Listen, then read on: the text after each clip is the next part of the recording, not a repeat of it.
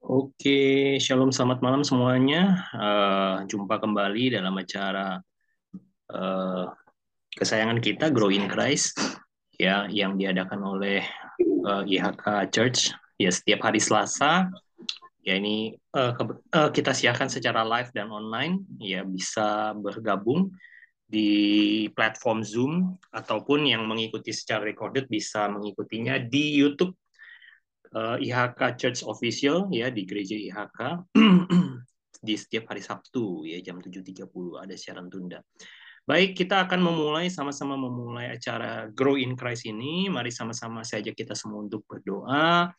Eh, kita satukan hati dan pikiran kita untuk memulai acara ibadah ini. Mari kita sama-sama satu di dalam doa. Bapak kami yang baik, Bapak di dalam nama Tuhan Yesus, kami mengucap syukur buat kebaikan Tuhan malam hari ini. Kami boleh sama-sama datang untuk beribadah ya Tuhan.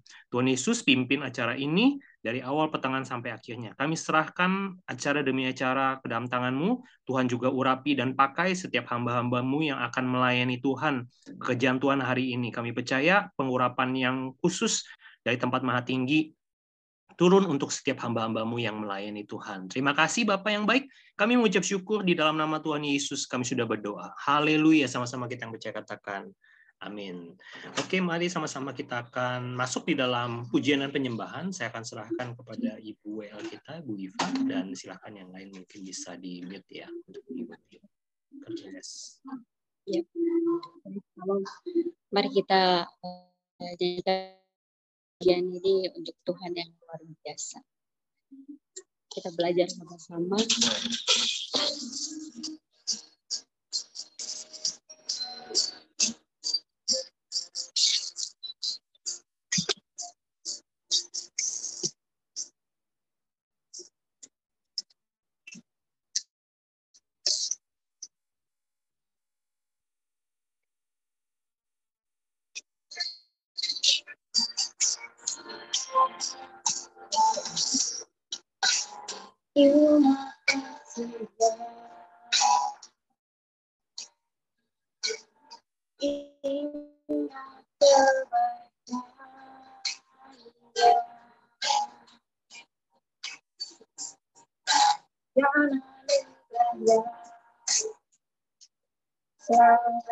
Bye.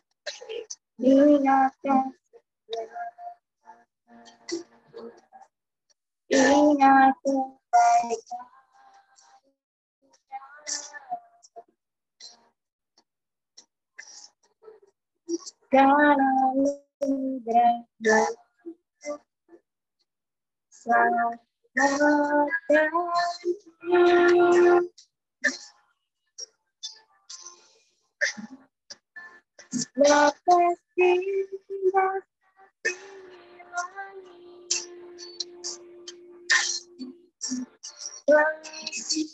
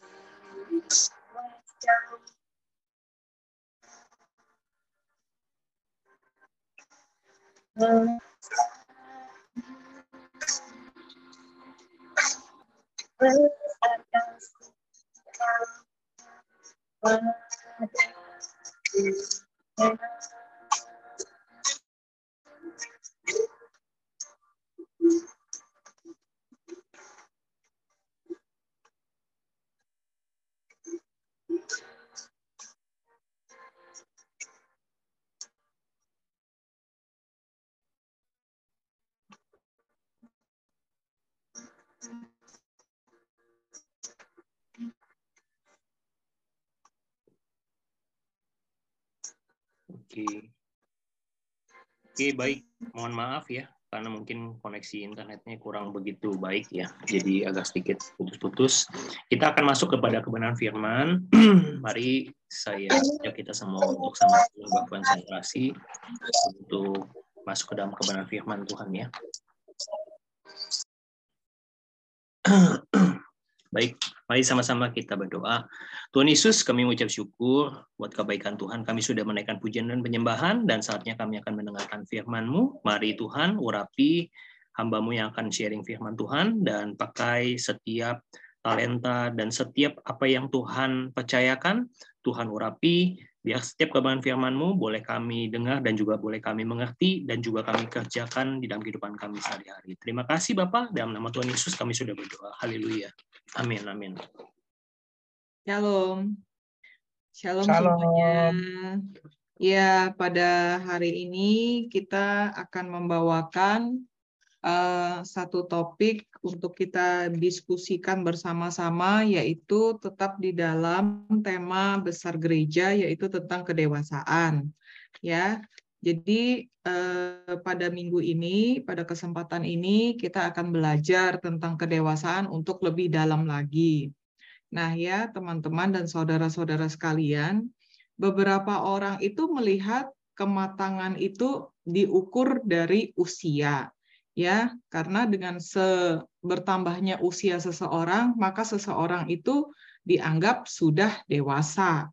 Tetapi pada kenyataannya sebetulnya usia kita dengan kematangan itu tidak selalu berbanding lurus ya. Sering orang dewasa itu banyak atau banyak ya orang dewasa yang berperilaku justru tidak seperti orang dewasa malah seperti anak kecil ya yang masih susah mengontrol misalnya emosinya dan kurang bertanggung jawab. Ya pada minggu ini kita akan belajar lebih banyak ya. Eh, seperti anak kecil ada beberapa hal-hal yang kita kita kagumi dari sifat-sifat anak kecil sama seperti ada yang tertulis di dalam Alkitab di Matius 19 ayat yang ke-14 coba tolong ditampilkan Matius 19 ayat yang 14 di situ dikatakan tetapi Yesus berkata biarkanlah anak-anak itu janganlah menghalang-halangi mereka datang kepadaku sebab orang yang seperti itulah yang empunya kerajaan surga. Nah, ini berbeda ya Saudara ya. Tadi kekanak-kanakan, orang dewasa yang bersifat kekanak-kanakan, itu childish ya. Tetapi yang di dalam Alkitab ini, biarkanlah anak-anak itu, ini seperti anak ya, seperti anak-anak itu. Ada sifat utama yang tidak bisa dihilangkan dari anak-anak, yaitu apa? Kelemahannya. Ah, semua anak-anak itu pasti bergantung kepada orang tuanya. Nah, sifat itulah yang Tuhan Yesus harapkan untuk kita bergantung kepada Dia. Ya, kita harus bergantung kepada Tuhan sama seperti orang anak-anak bergantung kepada orang tuanya. Nah, mari kita lihat lagi lebih jauh apa itu sih seperti anak-anak dan apa apa yang namanya kekanak-kanakan. Kekanak-kanakan itu kalau saya lihat di dalam kamus itu didefinisikan ialah emotionally immature. Jadi walaupun usianya tua, walaupun dia mungkin punya jabatan, mungkin punya gelar, tetapi secara emosional, emo, emo, emosional dia itu belum dewasa. Masih seperti anak-anak ya. Jadi mungkin eh, suka ngambek ya, itu adalah ciri-cirinya yang dari kekanak-kanakan ya, childish ya.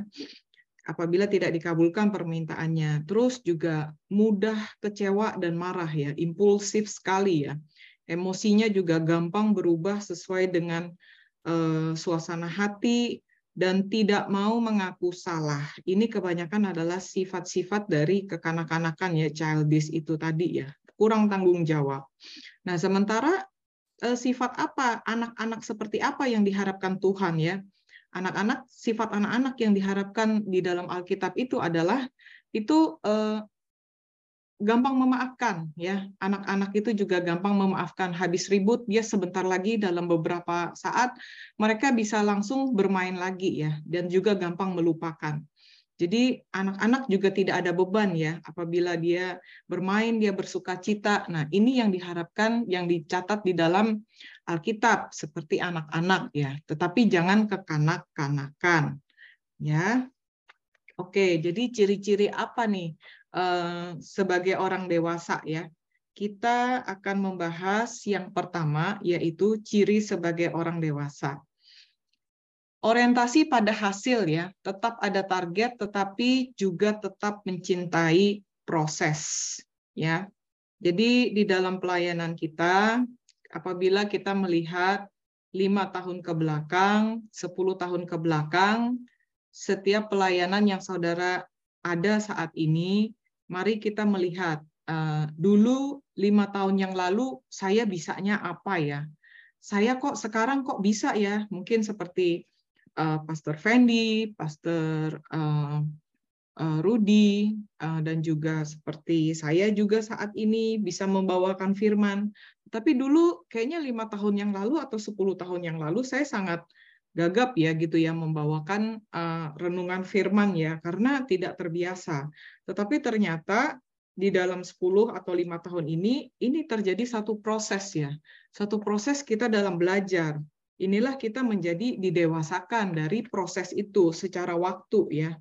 Jadi kita yang dewasa, kita ingat orientasi hasil kita apabila kita ingin masuk di dalam pelayanan. Kita tentukan target, saya cinta Tuhan, saya ingin melayani pekerjaannya. Dan maka dari pada itu kita juga harus tetap cinta proses. Walaupun di dalam proses itu tentunya tidak mudah ya. Tentu banyak eh, ada air mata, ada letih lesu, ada kecewa, ya itu semua namanya proses. Tetapi sebagai orang yang dewasa, kita mengerti bahwa semua proses itu adalah untuk mendewasakan kita. Nah, lalu ciri orang yang sudah dewasa yang kedua ya, eh, kegagalan itu tidak menjatuhkan mentalnya ya dan keberhasilan tidak membuat dia lupa diri. Nah, orang yang dewasa, orang yang dewasa itu tentu juga melewati yang namanya kegagalan ya, kegagalan-kegagalan kecil, mungkin gagal eh, mungkin gagal di dalam pelayanan, juga mungkin jatuh bangun, ya mungkin seperti suami saya mungkin membuat program ini tidak berhasil, membuka cabang ini belum ber, belum berkembang, lalu juga keuangan mungkin juga belum uh, seperti gereja-gereja besar yang lain, itu adalah satu titik-titik kelemahan di dalam pelayanan ya. Tetapi apakah itu akan menjatuhkan mentalnya? Saya saya rasa tentu kita sepakat bahwa hal-hal itu rintangan-rintangan dan segala hambatan tidak akan menjatuhkan mental orang dewasa ya. Ya sama seperti kita di dalam kehidupan kita juga banyak menghadapi banyak masalah di dalam keluarga, pekerjaan ya tentu kita mengalami ya yang namanya uh, susah senang katanya. Tetapi kok kayaknya kalau orang ini kok banyak susahnya gitu ya. Sama seperti seorang anak ya, anak seorang anak yang ingin lulus ujian. Dulu dia TK, SD, SD ya tentu pelajaran SD gampang-gampang. Naik tingkat lagi SMP, lalu naik tingkat lagi SMA. Dan juga sama seperti eh, anak yang sedang belajar sepeda. Belajar sepeda tentunya nggak mungkin langsung belajar sepeda roda tiga mungkin masih gampang, roda dua pasti ada jatuhnya, tidak mungkin. Ya sama seperti orang yang belajar berenang.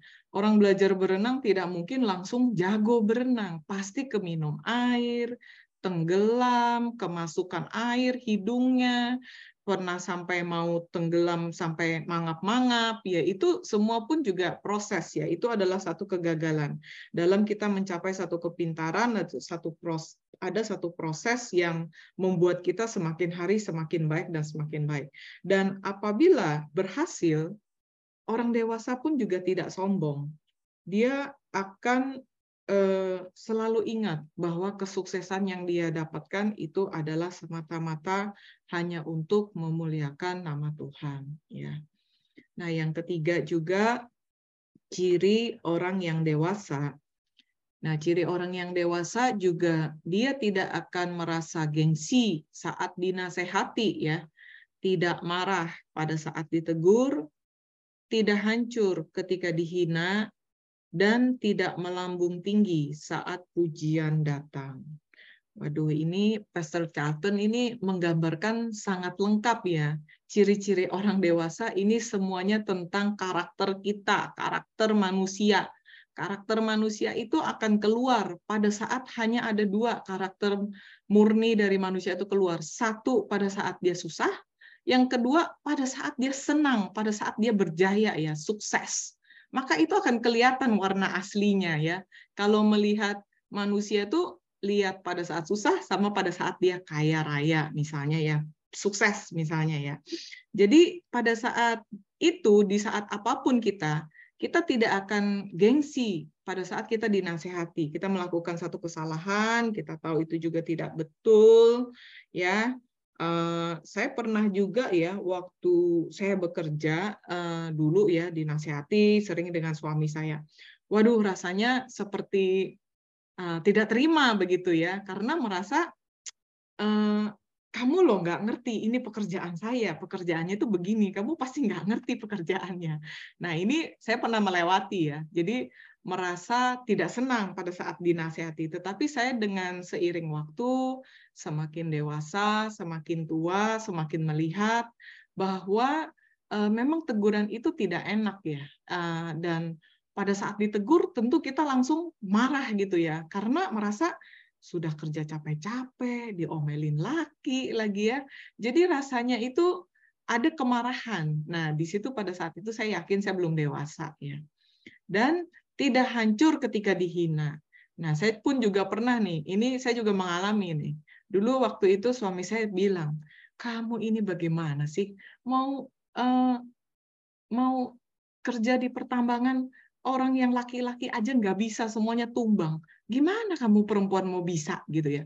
Nah, tetapi saya karena ketekatan bulat dan apa ya kemauan saya, saya ngotot dan juga selalu tidak pantang menyerah, akhirnya saya juga tetap melakukan dan tidak mau mendengarkan kata-kata yang melemahkan saya pada saat itu ya. Walaupun juga tidak gampang dan juga tidak eh, eh, terlalu sukses, juga semua saya melalui apa yang namanya proses karakter di dalam saya bekerja dan juga mengikut Tuhan dan juga di dalam saya berkeluarga ya. Jadi eh, ciri-ciri orang yang dewasa itu kalau digambarkan dengan kata-kata itu tidak ada habisnya ya. Kita mau bahas dari berapa jam, dari sisi apa segala macam juga tentang karakter manusia ini eh, menjadi topik yang sangat menarik ya. Karena eh, menjadi dewasa itu tidak gampang ya. Sifat dasar manusia itu kebanyakan itu yang mungkin lebih banyak di childish-nya ya. Pada saat kita belum dewasa, kita pasti childish ya.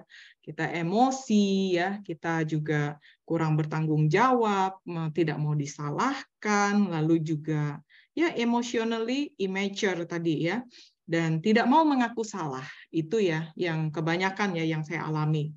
Jadi eh, saya berharap teman-teman semua pada malam hari ini juga bersama-sama dengan saya juga kita sama-sama introspeksi diri. Eh, semoga kita semua menuju kepada kedewasaan walaupun kita belum sempurna. Ya. Dan yang keempat, ciri-ciri orang yang sudah dewasa yaitu prinsip hidupnya kuat tertancap ya di dalam hukum dan kebenaran tetapi mampu mengasihi sesamanya di dalam segala kondisi ya jadi orang yang dewasa itu intinya di diterpa semua angin badai mau apa menghadapi segala musim tetap percaya bahwa Tuhan itu adalah uh, penolong yang sejati. Jadi hidup kita tidak mungkin bisa berjalan sendiri tanpa bimbingan Tuhan. Ya. Jadi uh, pada malam ini pun saya teringat akan uh, khotbah firman Tuhan yang disampaikan hari Minggu lalu oleh Pastor JJ ya ya dengan judul Don't Throw in the Towel ya. Jangan lempar handuk ya. Untuk kita yang saat ini sedang bertanding dalam pertandingan iman, kita jangan lempar handuk, jangan menyerah. Jadi memang eh, yang pertama itu pandangan kita selalu ditutupi oleh masalah. Kita hidup itu manusia selalu penuh dengan masalah ya. Tetapi dan juga yang kedua yang membuat kita, nah di sinilah Eh, kedewasaan kita diuji bahwa proses itu tidak terbatas waktu. Jadi proses itu akan selalu ada ya. Kita misalnya sudah bagus di sini, maka akan dipoles lagi menjadi lebih indah dan lebih bagus dan lebih bagus dan lebih bagus seperti Tuhan Yesus mendekati serupa dan segambar dengan Dia. Jadi proses yang tidak terbatas waktu itu sadarilah selalu ada di setiap kehidupan orang percaya. Jadi uh, buat teman-teman yang menghadapi proses, ya tetap semangat, tetap uh, percaya akan pertolongan Tuhan, ya. Dan yang ketiga, yang lebih lebih pusingnya lagi nih, ya biasanya di dalam proses itu hasilnya belum terlihat. Nah inilah yang mendewasakan kita. Apakah di dalam pandangan kita yang selalu tertutup masalah, dan proses yang tidak ada habis-habisnya dan belum ada hasil. Nah, di sinilah kita diuji bagaimana kita seberapa dewasanya kita di dalam kita uh, ber, menjalankan uh, ketuhanan kita ya, Me, mengenal si sang pencipta kita itu sampai di mana, seberapa dalam kita bergantung kepadanya ya, seperti anak kecil tadi, anak yang bergantung kepada orang tuanya.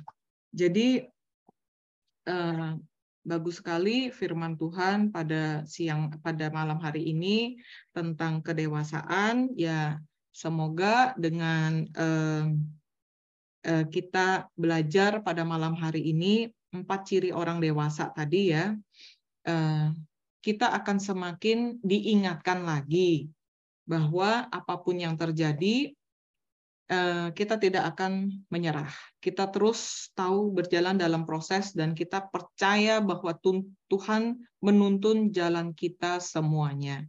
Baik di dalam pelayanan kita, baik di dalam keluarga, anak-anak kita, baik di dalam kita menghadapi eh, pekerjaan kita, semua masalah pasti dapat kutanggung di dalam Dia yang memberikan uh, jalan bagi kita semuanya. Demikian uh, firman Tuhan pada malam hari ini. Saya kembalikan lagi kepada Pastor Fendi. Terima kasih. Oke, baik. Terima kasih Bu Gem buat sharingnya. Bisa kasih applause virtual ya, teman-teman ya. Terima kasih buat sharingnya Bu Gembala, hmm, karena sudah menambahkan juga bahwa ya kita uh, summary-nya mungkin sepanjang bulan ini ya kita terus akan membahas tentang uh, sebuah judul atau sebuah kata tentang kedewasaan gitu ya. Jadi tadi uh, sudah bagus banget dibuka dengan uh, ayat dan juga dideskripsikan ciri ciri-ciri orang yang menuju kedewasaan rohani. Ya tentunya ada proses, tentunya ada eh, hal-hal uh, yang memang tidak instan disertai uh, tentunya dengan berbagai macam proses, ujian, waktu, ya yang sehingga membuat setiap kita hidupkan kita tuh semakin lama semakin dibentuk dan yakin dan percayalah bahwa Tuhan itu menghendaki kita itu di dalam setiap proses kita itu kita menang dan juga keluar uh, menyerupai seperti Kristus ya. Jadi targetnya adalah serupa dengan Kristus tentunya itu. Uh, baik, terima kasih buat sharingnya dan kita akan sama-sama berdiskusi malam ini karena Pastor Charlton berhalangan karena beliau ada sedikit Eh, pelayanan ya, mungkin bentrok dengan waktunya, beliau sudah minta izin. Jadi hari ini, maaf ya, hari ini kita akan sama-sama berdiskusi. Eh, ada Pak Gembala, ada Bu Gembala juga, boleh. Nanti bisa sama-sama saling menimpali, saling sharing aja. Uh, kita sama-sama akan masuk di dalam sharing kita ya. Nanti bisa tanya, bisa bisa juga sharing tentang pengalaman proses kedewasaan ya. Intinya sebenarnya hari ini kita akan belajar tentang proses menjadi dewasa ya gitu ya. Mungkin kita masing-masing kan tentunya seperti yang saya pernah ngomong, kita pernah jadi anak-anak gitu dan kita sekarang lagi di dalam proses menuju lebih dewasa. Nah, itu bagaimana sih mungkin proses-proses yang kita alami tentu beda ya satu sama lain. Nah, itu kita bisa sharing satu sama lain nanti uh, yuk kita tutup dulu di dalam doa. Mari kita berdoa untuk kebenaran firman Tuhan. Bapak yang baik, terima kasih buat kebenaran firman-Mu. Biarlah kebenaran firman-Mu tidak berlalu sia-sia, tetapi kami boleh melakukan kebenaran firman-Mu, dan juga Tuhan memberkati uh, Ibu Gembala kami, Bu Marcelina, dan juga Bu Iva yang sudah melayani kami. Kami akan mulai sharing kami ya Tuhan. Berkati waktu sesi sharing kami supaya kami boleh belajar sesuatu dan bersama dengan Roh Kudus kami percaya kami cakap melakukan segala perkara. Dalam nama Tuhan Yesus kami berdoa. Haleluya. Amin. Baik, teman-teman, silahkan kita akan mulai sesi sharing kita. Buat teman-teman yang juga mungkin mau didoakan di akhir sesi sharing, mungkin juga bisa menuliskan di kolom komentar ya, silahkan. Oke, saya karena ini banyak banget ya yang yang ini sharing, mungkin saya mulai dulu nih dari siapa ya? Dari yang paling bawah ya, yang hurufnya yang paling kecil. Y, Y. Oh, Y, Y. Ya ada Cieni ya. Cieni mungkin bisa bergabung Cieni Selamat malam Cieni Koitem. Ya, kapan malam. Iya, selamat malam. Gimana? Sehat? Gelap soalnya. Iya, soalnya lagi di jalan, Kopen. Oh, lagi di jalan. Oke, oke. Ada yang mau ditambahkan tentang proses kedewasaan? Mungkin Cieni juga ada sharing sedikit mungkin tentang proses yang Cici alamin. Oh iya, bingung ya. Mungkin Kayak tadi Bu Gembala bilang aja, lima tahun, 10 tahun yang lalu, mungkin pas waktu bergabung seperti apa, sekarang seperti apa, kira-kira ada proses apa sih yang terjadi atas kehidupan Cieni gitu. Itu mungkin yang kita perlu belajar ya, mungkin. Sharingnya singkat aja. Apa ya sharingnya? Agak, agak ini skip dulu lah, Kopen. oke, lagi. Iya. Oke, oke. Nanti kalau udah sempet, ah, nanti bisa sharing. Oke, hati-hati di jalan, Cieni, Witam. Hati ya. Oke, selanjutnya tadi Y, sekarang ada T. Nah, Ibu Tri nih. Ibu Tri, Ibu Tri. Shalom, Ibu. Shalom, Pastor. Ya, shalom, ya, shalom Ibu Tri. Sehat selalu. Iya, iya, iya, iya, iya. Ya. ya, Ibu Tri, gimana Bu Tri? Mungkin tadi saya memetik apa yang dikatakan Bu Gembala, singkat aja. Mungkin waktu Ibu Tri masuk ke gereja sama sekarang kan pasti berbeda ya Nah, ya. yang penasaran adalah proses apa sih yang dialamin Butri gitu ya, sehingga Tuhan mungkin mendewasakan Butri sampai saat ini tentunya ya. gitu ya. Mungkin teman-teman mau sharing itu aja. Ya, prosesnya sih panjang ya, Pastor ya, namanya Ini juga. Panjangin, disingkat-singkatin aja, Bu. Kalau panjang besok sampai malam ya. Jadi saya ceritanya singkat aja yang waktu Mas hmm uh, apa waktu kita beribadah di IHK aja waktu masuk bergabung dengan IHK dari situlah kita diproses dari hidup yang kurang mengenal Tuhan hidup yang di jalan yang semau maunya kita sekarang kita sudah uh, mengenal Tuhan dan semakin dekat jadi kita diproses dengan berbagai macam hal-hal dalam kehidupan keluarga dalam kehidupan bersosialisasi di luar maupun kumpulan kumpulan beribadah. Itu saya diproses dengan segala hal yang dapat ucapan macam-macam lah, dapat perlakuan apa-apa, tapi tetap karena kita sudah mengenal Tuhan ya, sering dapat uh, apa masukan juga dari Bapak rohani kita Pak Gem, dari Peser, dari teman-teman semua juga. Jadi kalau kita sering ada merasa kesakitan atau apa gitu kan, saya cuma menenangkan diri sendiri, cuman ya nyebut nama Tuhan Yesus saja Tuhan sabarkan aku berikan kesabaran ya Roh Kudus terus pimpin aku supaya aku tetap berjalan di dalam kehendakmu. Itu aja kalau umpamanya saya lagi apa umpamanya tersinggung dengan omongan orang atau mendidik anak yang susah banget dididiknya gitu. Itu saya cuma menenangkan diri sendiri aja pokoknya bersama Tuhan aku bisa menjalani proses ini. Jadi itulah proses kedewasaan saya eh, setiap hari setiap harinya mulai bertumbuh dan berubah dari yang dulu awal galak, apa yang kejam, yang omongannya jelek, sekarang berubah total jadi semakin dewasa lah. Itu aja, Pastor. Terima kasih, Tuhan Yesus berkati. Oke, terima kasih, Bu Tri. Ya, walaupun tidak terperinci, tapi uh, boleh saya tanya, Ibu Tri ya. Uh, saya lupa, Ibu Tri, awal masuk ke gereja tahun berapa ya, Bu ya? Kan tahun nah, itu dia, Master. Ah. Pokoknya semenjak, semenjak ada si apa si uh, Daniel Fernando masih jadi uh, full time di IHK yang lama dulu sama masih ada ko Anton nama Cik Titi. Itu saya mulai masuk ke IHK. Waduh, Daniel Fernando full time itu 2000 berapa itu? Kayaknya 2019 kali ya Pastor Paulus ya. Saya juga lupa sih. Berarti hampir seumur IHK lah ya, kira-kira gitu ya Putri ya kira-kira Master. Iya, iya, iya, 13 tahun ya kira-kira. 13 14 tahun. Puji Tuhan, ya uh, tadi Butri uh, mungkin tidak secara terperinci, ya. tapi bagian eh, bagian-bagian yang saya petik mungkin ada proses di mana pengenalan akan Tuhan itu uh, mengubah ya sifat dan karakter kita yang dulu mungkin uh, masih banyak manusia-manusia versi kedagingan kita mungkin ya. sampai saat ini pun Butri juga mengatakan bahwa tetap masih di dalam proses tapi jauh lebih baik gitu ya. Iya, saya ya. percaya setiap proses yang diizinkan Tuhan itu selalu bertujuan untuk membuat kita jauh lebih baik daripada versi kita yang sebelumnya. Ya. ya yakin dan percayalah cuman waktu dan kesabaran kita saja ya dalam uh, apa mengikuti prosesnya Tuhan ya Putri ya mungkin ya. Benar, benar. Yang penting juga sabar. Eh, apa tadi eh, Butri ngomong berdoa minta kekuatan supaya bisa keluar dari proses itu dan menyelesaikan proses tentunya dengan uh, seturut dengan apa dengan maunya Tuhan ya. Ya. Ya, ya, ya, ya, ya, ya. Itu itu saya yakinin banget itu.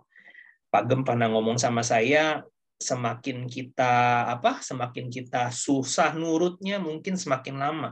Tapi semakin kita bisa nurut maunya Tuhan, sambil kita mengucap syukur, sambil kita juga meminta kekuatan Tuhan tentunya, semakin uh, proses itu semakin mungkin semakin pendek gitu ya. Jadi jangan ya. seperti bangsa Israel yang gambarannya 40 tahun gitu ya berkeliling di padang pasir gitu ya padang gurun ya. sorry oke okay, thank you Butri buat uh, sharingnya hari ini sangat sangat memberkati sekali berdoa buat Putri dan juga keluarga ya. Semoga semuanya ya, bisa menyelesaikan proses sehingga indah pada waktunya Tuhan. Uh, maaf ya, Sir, saya mau izin live ya, soalnya ini saya lagi jenguk ponakan lagi sakit. Oh baik, mau... baik, baik. Nanti kita juga sama-sama doakan. Sakit apa Putri? Ponakan? Uh, ini uh, uh, dia kan lagi hamil muda, jadi mungkin ada flek agak agak pendarahan sedikit ya rumah oh, baik.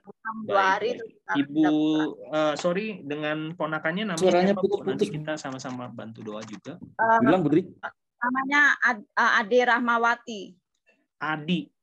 Ade. Ade, Ade Rahmawati. Iya. Maaf, maaf, Butri, Pak Gem mau ngomong sebentar. Ya, Pak. Oh. Halo.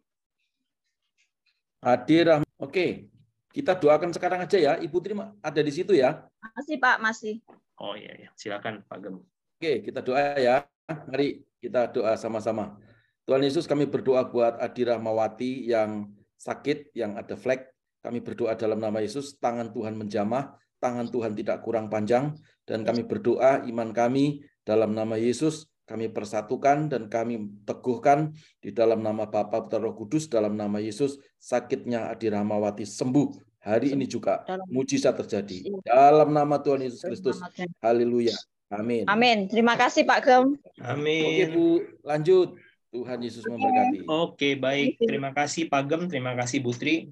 Tuhan Iya, Yesus memberkati ya untuk ponakannya juga segera Amin. sembuh. Amin. Oke, kita beralih ke dari yang bawah nih, tetap nih. Saya selalu di bawah. Tadi Bu Yeni, ada Bu Tri. Nah, ada Pastor Santo. Nah, habis ini ada Pak Samuel Market. Pastor Santo bisa di-unmute?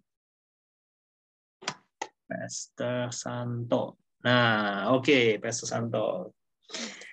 Sama pertanyaannya, mungkin sharing aja tentang proses kedewasaan yang Pastor Santo alamin ya dari awal mula-mula ikut Tuhan. Mungkin di gereja kita ya mungkin yang gampangnya gitu ya sampai saat ini kira-kira apa tuh? Yang berkesan ya mungkin satu aja mungkin prosesnya kan banyak ya. Shalom, shalom semuanya. ya shalom. Ya, sebelumnya saya berikan tepuk tangan dulu buat Ibu Gembala. Kayaknya udah dijelaskan banget sama Ibu Gembala. Ah, ya, saya kepingin Bapak Gembala memberikan jadwal lah kepada Ibu Gembala untuk khotbah. Sudah saya rayu-rayu Pak, nggak mau dia Pak. Sangat sangat bagus itu Pak. Iya. Saya diancam malah. Yang sangat bagus itu. ya memang apa yang dijelaskan Bu Gembala itu memang betul sekali. Orang keluar karakternya ketika memang ada proses ketika suka dan ketika mengalami namanya tekanan baik di dalam lingkungan yaitu karena iman kita gitu. Nah, selama saya di Hiaka bergabung di Hiaka ya memang nggak mudah ya untuk uh, mengalami proses pendewasaan perlu banyak ada gesekan ya tidak mudah lah tetapi kembali lagi seperti Mr. Charlton yang minggu kemarin seseorang itu bisa dewasa kalau memang mau belajar dan diajar bukan tidak sanggup atau tidak mampu tetapi mau nggak diajar atau tidak maunya gitu itu aja sih menurut saya jadi ketika kita mau belajar sama orang yang mungkin pengetahuannya ya, ya seperti orang dewasa lah pengetahuannya berpengertian seperti Pak Gembala, Pak Pastor Pendi. Walaupun atau sesuatu orang itu umurnya masih muda tapi wawasannya lebih dewasa, ya apa salahnya gitu loh kalau kita mau belajar dari dia. Itu sih Pak, menurut saya Pastor Pendi ya karena saya mau belajar dan diajar itulah kunci utama saya di HK itu itu aja. Oke, baik. Terima kasih. Ya, nice quote nih ya saya tulis ya ya, dari Pastor Santo ya buat teman-teman. Eh, hari ini kita belajar ya tentang sebuah kunci ya. Ya tadi prosesnya banyak. Tadi Putri bilang sabar dan minta kekuatan Tuhan. Kalau Pastor Santo menambahkan kuncinya mau belajar dan diajar ya. Nicely quotes ya. Quote and quote-nya itu eh, dari apa pelajaran minggu lalu ya JIC minggu lalu ya. Ini ini terbukti masih nyantol ya ternyata Pastor Santo itu tidak tidak apa tidak seperti baca koran ya. Kalau baca koran kan hari ini baca besok udah lupa gitu ya lima menit kemudian juga udah lupa gitu ya. Oke terima kasih Pastor Santo berdoa supaya juga eh, makin banyak ya hikmat Tuhan ya melalui Pastor Santo. Eh, juga tambahan teman-teman yang yang menyaksikan ini secara recorded juga ya, saya mau kasih tahu jangan lupa hari Minggu nanti eh, ibadah jam 8.30 pagi Pastor Santo akan membawakan firman ya. Ya, ini juga sekaligus promosi perdana ya. Beliau eh, masuk di dalam eh, jajaran untuk share firman di ibadah pagi jam 8.30 ya.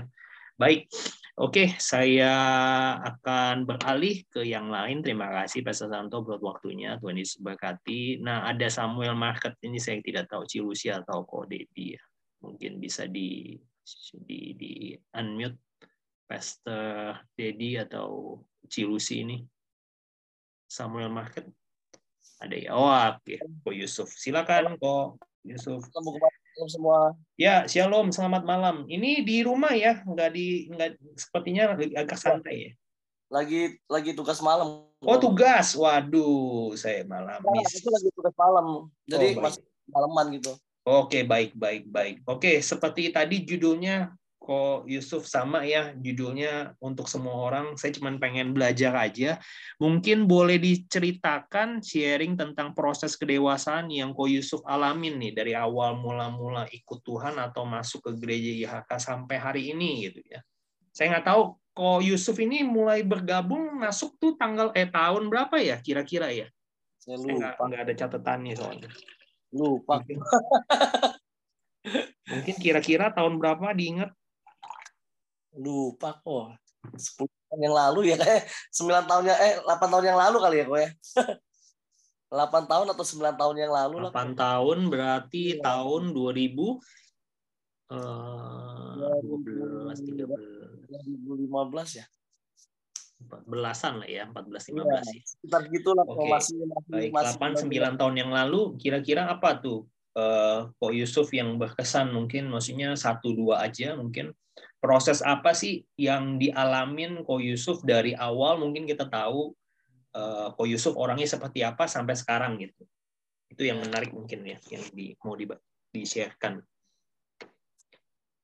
share apa ya ya puji Tuhan aja kok selama kita ikut beribadah terus eh, kenal-kenal dengan teman-teman yang serohani yang lebih membimbing ya dulu kan saya juga eh, kehidupannya nggak bagus lah tapi sekarang Tuhan ubah gitu. Juga dari komunitas juga sih komunitas yang baik juga menghasilkan kita hidup yang baik gitu. Kok jadi kalau secara dewasa ya dukungan doa dari teman-teman juga supaya juga saya juga tetap kokoh gitu.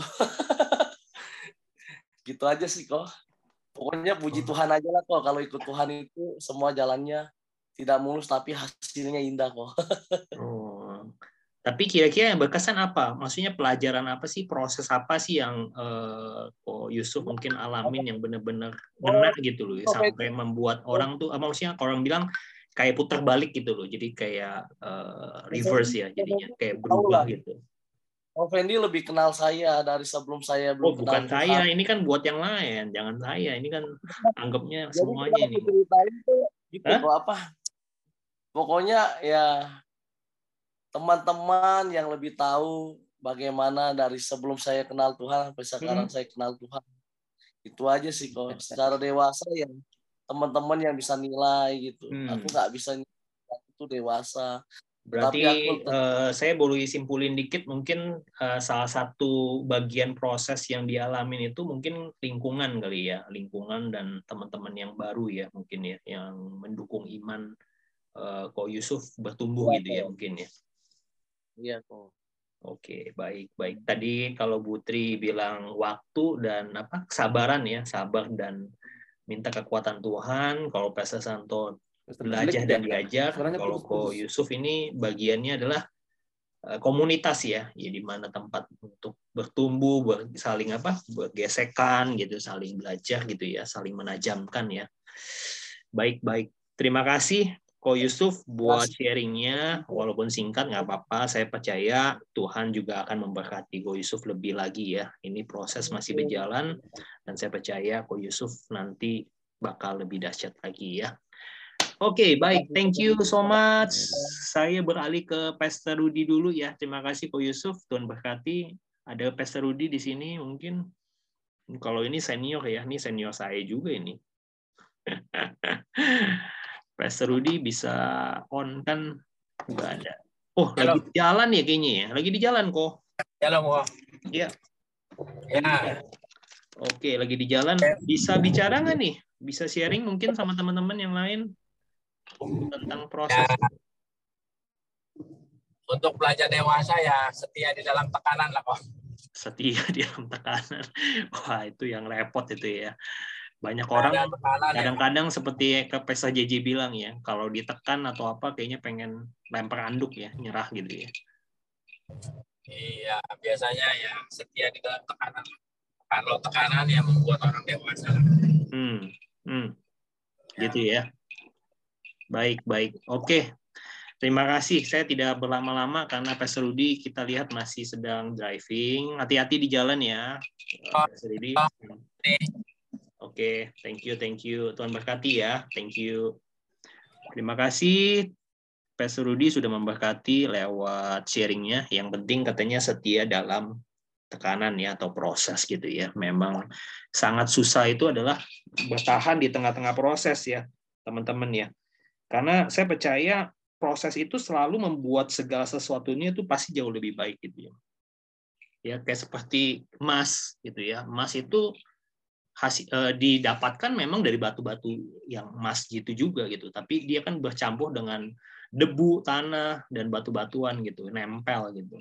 Untuk menjadi emas yang murni ya mau tidak mau ya ya harus melalui sebuah proses di mana dipanaskan gitu ya sampai lumer sampai segala debu-debu dan kotoran-kotorannya ikut itu ikut dimurnikan ya sampai terbakar gitu kira-kira gitu prosesnya ya tapi hasil akhirnya walaupun dia dipanaskan mungkin meleleh harus melalui proses yang panas sekali tapi harganya mahal gitu ya teman-teman juga percayalah teman-teman yang selesai diproses dengan apa pun proses yang hari ini teman-teman lalui yakin dan percayalah keluar dari proses menang atau melalui proses yang teman-teman uh, lalui ini selalu membuat teman-teman value-nya jauh lebih tinggi, jauh lebih bernilai, jauh lebih berharga. Ya, itu aja gitu ya.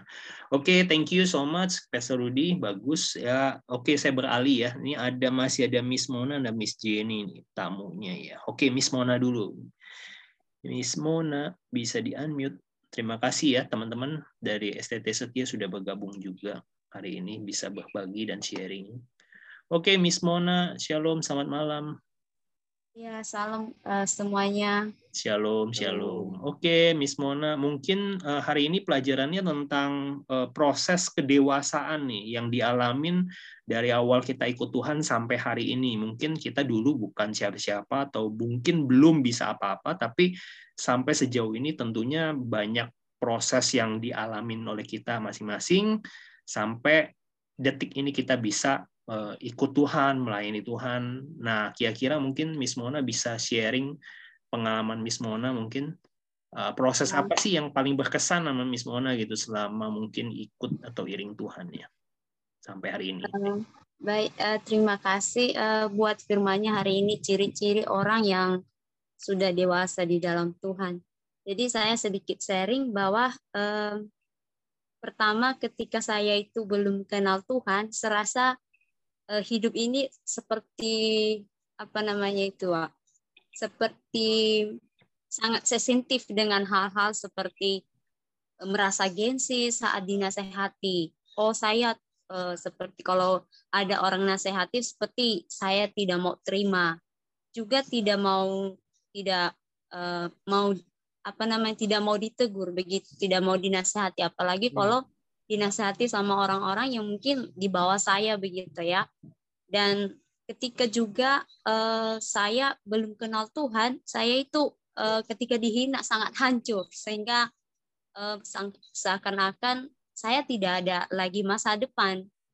Dan betul yang dibilang ibu yang tadi seri bahwa ketika juga kita ada pujian, kita seakan-akan kayak melambung begitu ya. Dan uh, ya puji Tuhan setelah saya kenal Tuhan, saya belajar juga dari uh, berbagai proses yang seperti tadi uh, Bapak dan Ibu bilang, bahwa proses itu membentuk kita. Ketika saya kenal Tuhan, ternyata yang tadinya itu terasa sulit bagi saya dan sangat uh, membuat saya marah segala sesuatu ketika saya kenal Tuhan oh ternyata itu hal-hal yang kecil ternyata itu contohnya orang tegur kita seperti oh itu hal kecil tapi awalnya sebelum kenal Tuhan itu seakan-akan itu perkara yang sangat besar di dalam kehidupan kita. Tapi ketika kenal Tuhan kayak e, masalah yang kita hadapi itu secara e, apa namanya kayak kecil sekali buat kita untuk selesaikannya. Jadi itu hal-hal yang mungkin membuat saya e, sangat senang untuk ikut Tuhan. Sangat bangga dan e, bangga untuk uh, kenal Tuhan Yesus. Jadi sekian untuk dari saya. Amin. Yes. Terima kasih Miss Mona. Oke, teman-teman ya. mohon maaf ya tadi saya lupa kenalin Miss Mona ini uh, masih ini ya masih di bekerja di STT Setia ya dan beliau adalah ya. salah satu lead teacher untuk di IHK Grow ya untuk anak-anak ya oke okay.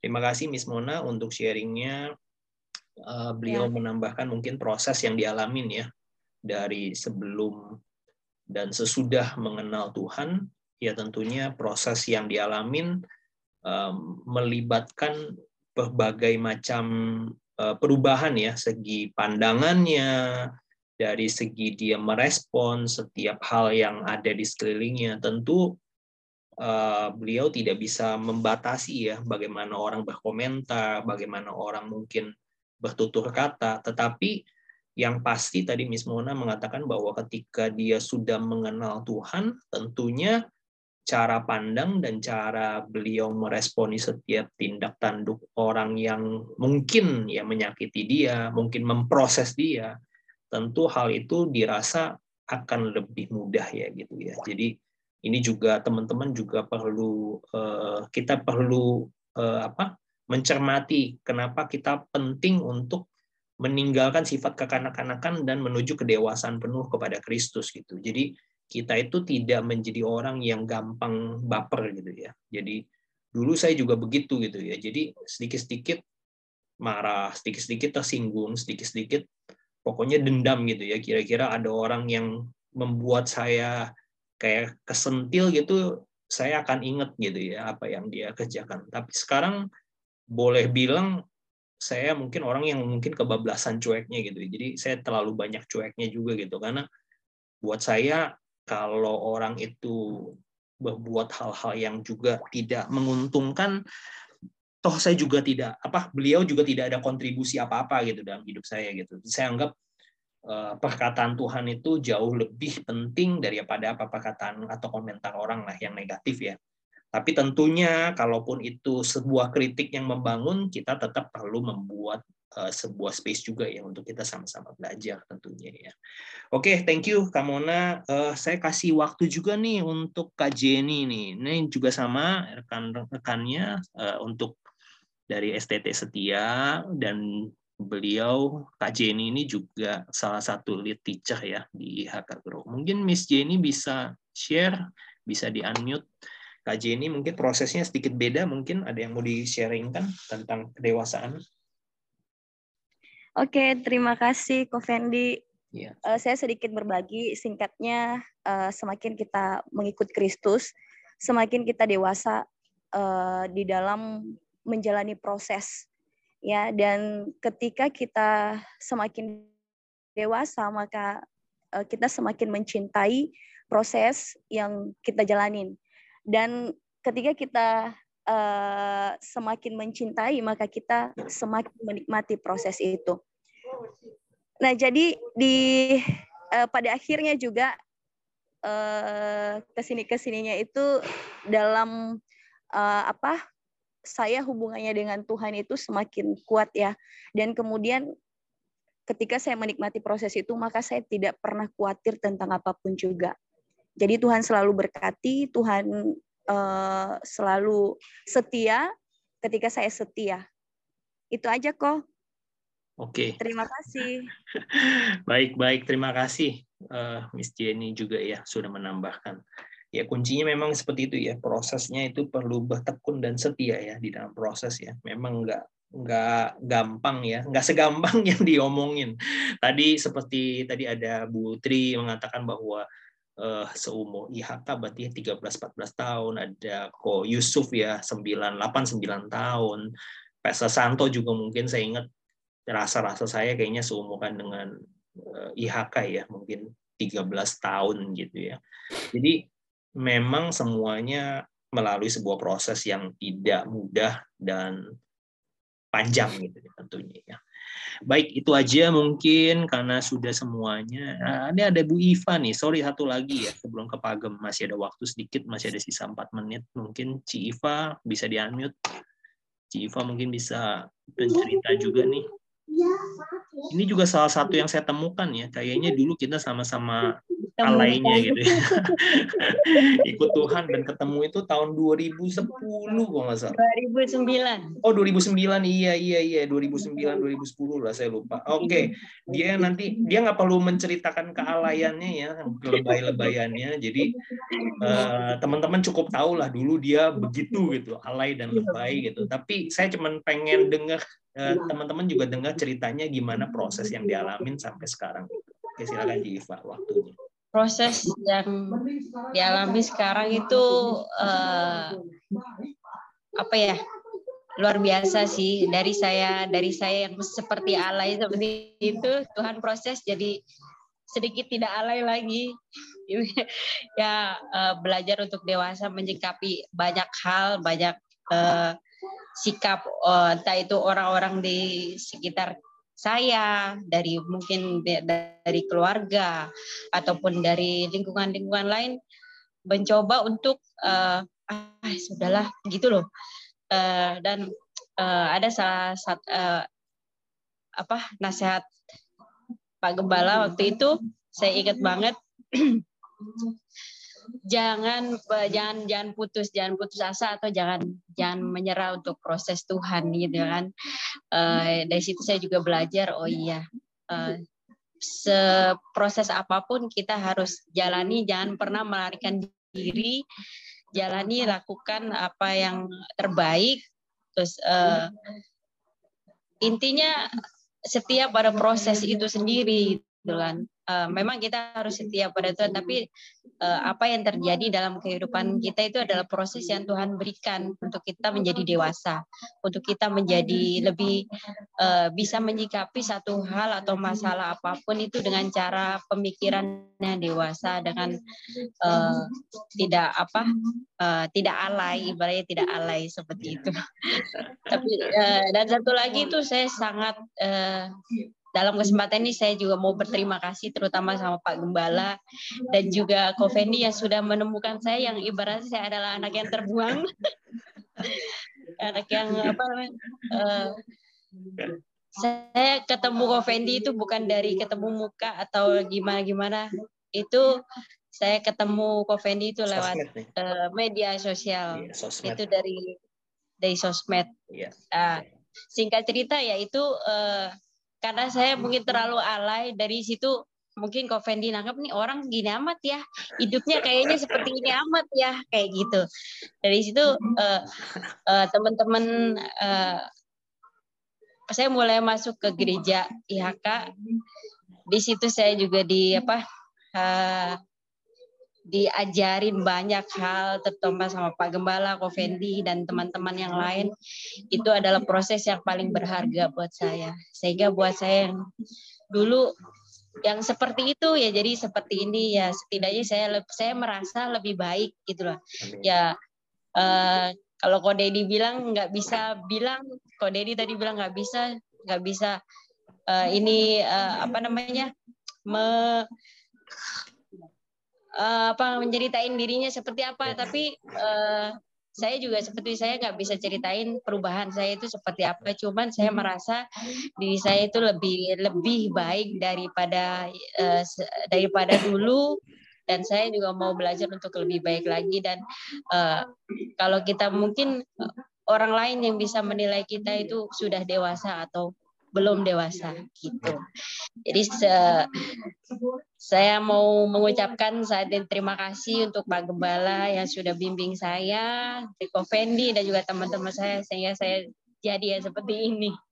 Yep. Saya sih mau menjadi yang terbaik lagi. Oke. Okay. Saya mau belajar. Thank you. Dan Thank mau you. diajar. Ya, ya, ya, ya, ya. Okay. Terima kasih, Civa. Terima kasih. Oke, okay, thank you teman-teman semuanya yang sudah berbagi ya kesediaannya berbagi itu boleh bisa menjadi berkat ya buat teman-teman yang mengikuti secara uh, recorded. Jadi saya kesaksian juga jadi bukan Ci Iva doang yang sebenarnya dulu begitu ya, bahwa kita semua dulu 10 tahun, mungkin 13 atau berapa tahun yang lalu, mungkin pada waktu kita bergabung di IHK, mungkin kita punya kelakuan-kelakuan yang ajaib ya, dalam tanda petik ajaib gitu ya. Mungkin sedikit eh, norak, sedikit tersinggungan, sedikit kakanak-kanakan. Tetapi kita belajar bahwa ketika kita lihat ke belakang itu kita perlu patut bersyukur banyak orang-orang yang membantu proses kita sampai detik ini kita bisa ada sampai hari ini itu itu selain Tuhan juga mungkin ada banyak sekali orang-orang yang menginvestasikan waktunya ya.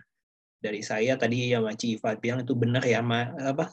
Ko Yusuf juga benar ya. Jadi kita bertemu dengan orang-orang yang membentuk kita, proses kita, karakter kita, orang terdekat kita, orang-orang yang duduk sama-sama melayani sama-sama, jemaat dan lain sebagainya itu pasti Eh, membentuk kita. Ya suka atau tidak suka, mungkin pasti ada yang namanya air mata, ada yang namanya mungkin hal-hal yang tidak mengenakan. Tapi percayalah bahwa kami, ya tadi semua orang yang sudah berbagi ini sudah melewati proses itu, gitu. Dan bersyukur ya, memang tadi seperti yang uh, kok uh, Pastor Rudi juga sampaikan bahwa kita perlu setia di dalam proses dan tekanan Eh, hal-hal yang mungkin nggak enakin itu gitu ya. Jadi itu aja sih ya. Jadi tadi semua juga disummarize dengan bagus. Terima kasih. Saya sebelum kasih pengumuman, saya bisa share juga mungkin ke Pak Gem, mungkin bisa menambahkan sebelum kita tutup. Silakan Pak Gem. Belum di unmute. Oke kawan-kawan, puji Tuhan. Tepuk tangan dulu untuk Tuhan Yesus yang dahsyat. Haleluya. Eh, bagus sekali ya tentang pembahasan malam hari ini dewasa ya. Dewasa itu semua para pembicara sudah mengingatkan bahwa dewasa itu tidak ditentukan dari banyaknya umur, tapi dewasa itu adalah satu keputusan hati ya. Dan ciri-ciri orang dewasa ya mulai dari minggu pertama memberikan kepada Terfendi di ibadah puji Tuhan ya. Eh, yang sering kita lupa ya adalah kadang-kadang kita mas bodoh ya. Lamban eh, masa bodoh yaitu nah tolong disadari ya karena penting kepada sesama kita di rumah, masa bodoh kepada teman-teman kita yang ada di gereja ya. Ya udahlah memang kalau kamu maunya seperti uh, uh, itu sebetulnya hal yang tidak baik karena ada lagu yang berkata ya sering kita nyanyi Allah mengerti mengerti mengerti dia tidak masa bodoh dengan kita. Waktu dia mengerti, lalu dia nah, jadi sifat utama orang dewasa yang harus kita ingat seumur hidup kita itu adalah mari kita tidak bertindak masa bodoh ya. Kita peduli kepada sesama kita, kita juga peduli kepada Tuhan ya. Apa sih eh, yang kita harus tingkatkan kepedulian kita kepada Tuhan? yaitu doa kita, penyembahan kita. Kalau berdoa sih boleh cepat, Tuhan, aku minta ini, minta itu kita menyembah ya, menyembah kepada Tuhan. Itu satu kebutuhan kita ya sebetulnya ya dan itu adalah yang menyenangkan hati Tuhan. Itu kita peduli kepada Tuhan. Nah,